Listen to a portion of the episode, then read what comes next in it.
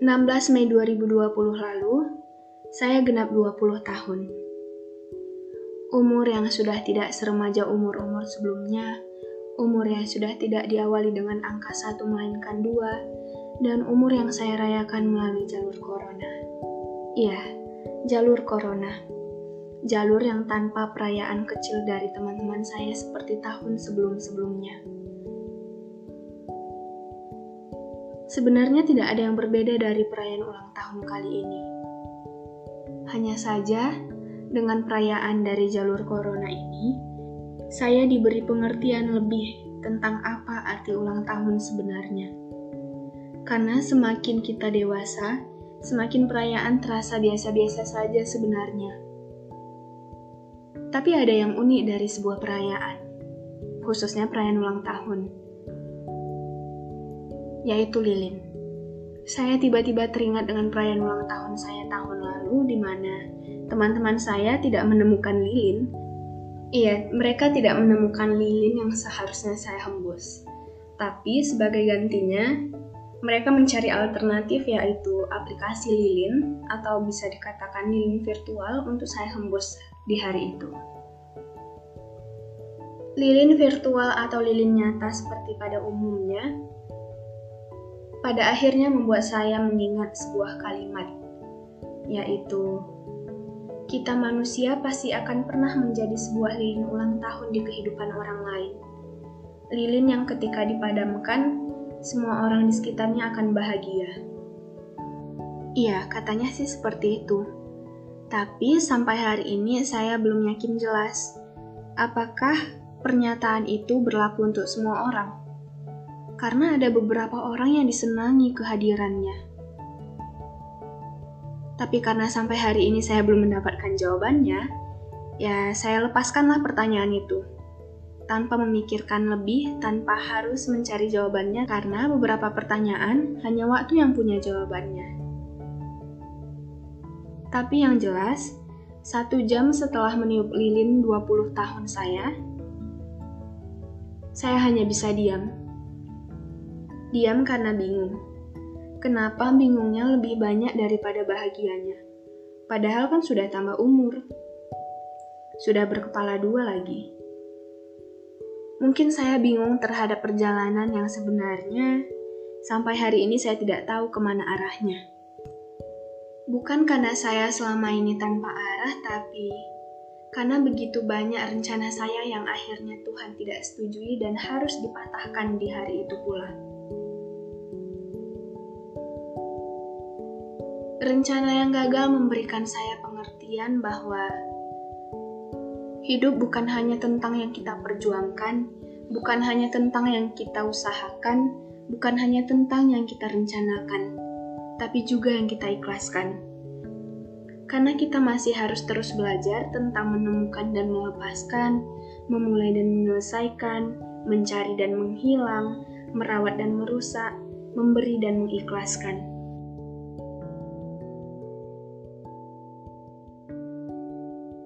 Perjalanan 20 tahun ini bukanlah perjalanan yang mudah dan singkat. Perjalanan yang pada akhirnya membuat saya paham bahwa semakin kita dewasa, semakin perayaan terasa biasa-biasa saja dan semakin kita dewasa, semakin kecil pula circle pertemanan kita. Dan itu terjadi pada saya. Satu tahun yang lalu, saya memutuskan untuk menghapus Instagram saya yang berusername @tenipt. Sebenarnya itu bukan kali pertama saya menghapus akun saya.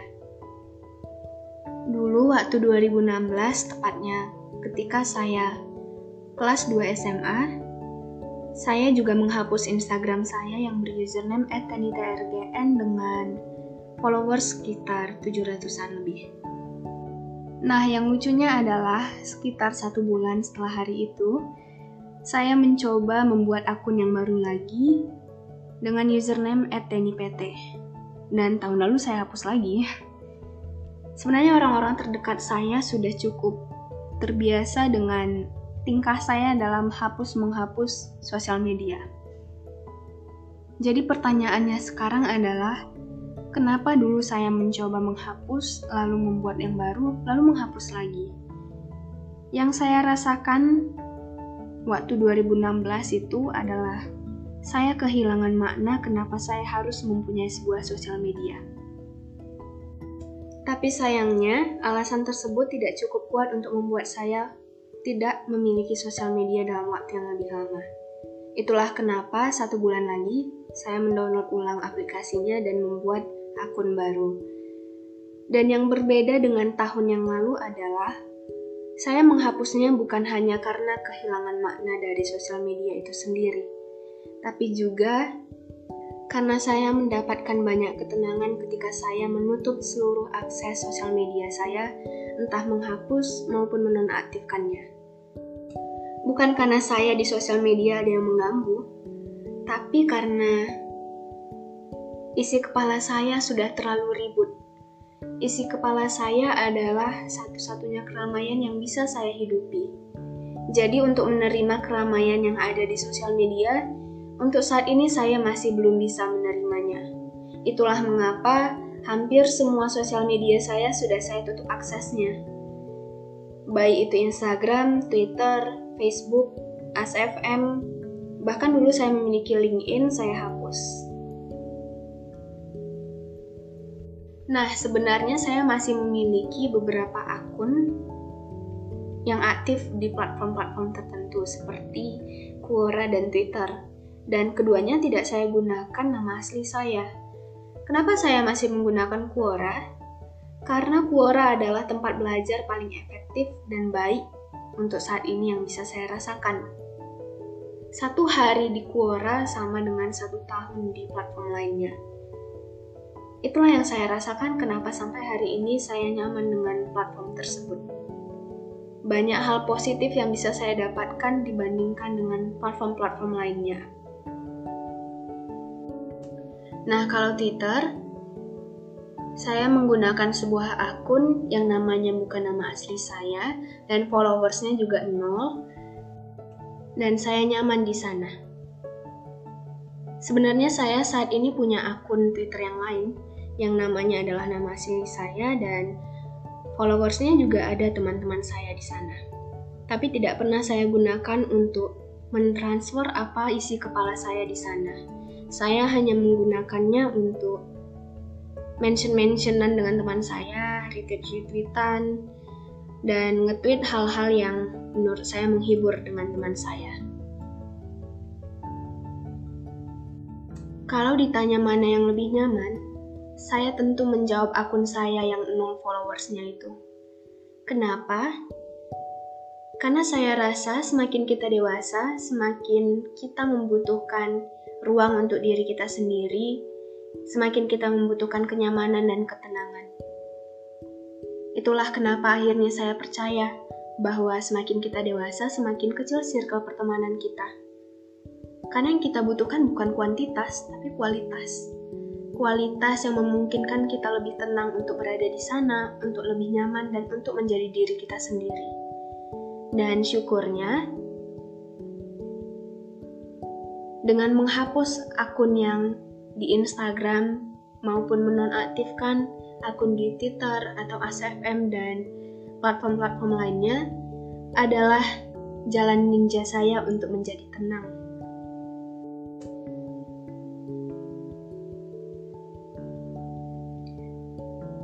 Perjalanan 20 tahun ini bukan hanya tentang mengikhlaskan, menemukan circle yang tepat, tapi juga tentang mengingat apa saja penyesalan yang sudah saya lakukan.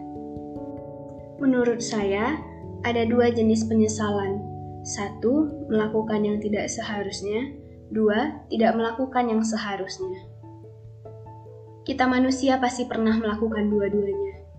Tapi bagi saya, selama 20 tahun ini, mungkin lebih banyak saya melakukan yang tidak seharusnya. Tapi apa boleh buat, waktu sudah berjalan, kesalahan tetaplah kesalahan di hari lalu, dan tugas kita hanya untuk hidup di hari ini, untuk menjadikan besok tidak seburuk hari kemarin. Nah, berbicara waktu, saya juga tidak sangka bahwa saya akhirnya berumur 20 tahun. sangat-sangat tidak terasa. Dan kenapa judulnya 7320 hari? Karena judul itu saya tetapkan ketika tanggal 31 Mei 2020, tepat 7320 hari saya hidup di dunia ini. Selama itu pula saya sadar bahwa terkadang bukan dunia yang berubah, tapi cara pandang kita. Oh iya, beberapa bulan yang lalu saat saya tetapkan untuk mengajak teman-teman saya untuk berkolaborasi di podcast ini, saya akhirnya menemukan banyak yang berubah, entah dari saya atau mereka. Secara sederhananya mungkin terlihat dari luar, yang dulunya kita pakai seragam yang sama sekarang sudah pakai almet masing-masing, ada yang udah pakai jas dokternya, ada yang sudah jadi pilot, ada yang sudah di UGM, UI, Undip, ITB, dan ada juga yang sudah menjadi polisi maupun moderator ke mana-mana. Ya, kita semua manusia berjalan di jalan masing-masing, menurut waktu hidup masing-masing. Tidak ada yang perlu berkejar-kejaran, karena hidup bukan perlombaan, dan akhirnya saya lebih tenang ketika saya tahu bahwa hidup bukan sesuatu yang harus dibandingkan. Karena ukurannya pun tidak pasti sebenarnya. Dan kepadamu yang mendengar ini, semoga di umur berapapun engkau di hari ini, engkau kemudian percaya bahwa hidup sejatinya adalah sebuah anugerah. Dan perayaan ulang tahun adalah sebuah perayaan untuk mengenang hari lahir kita, untuk apa kita hidup, dan untuk apa hidup kita.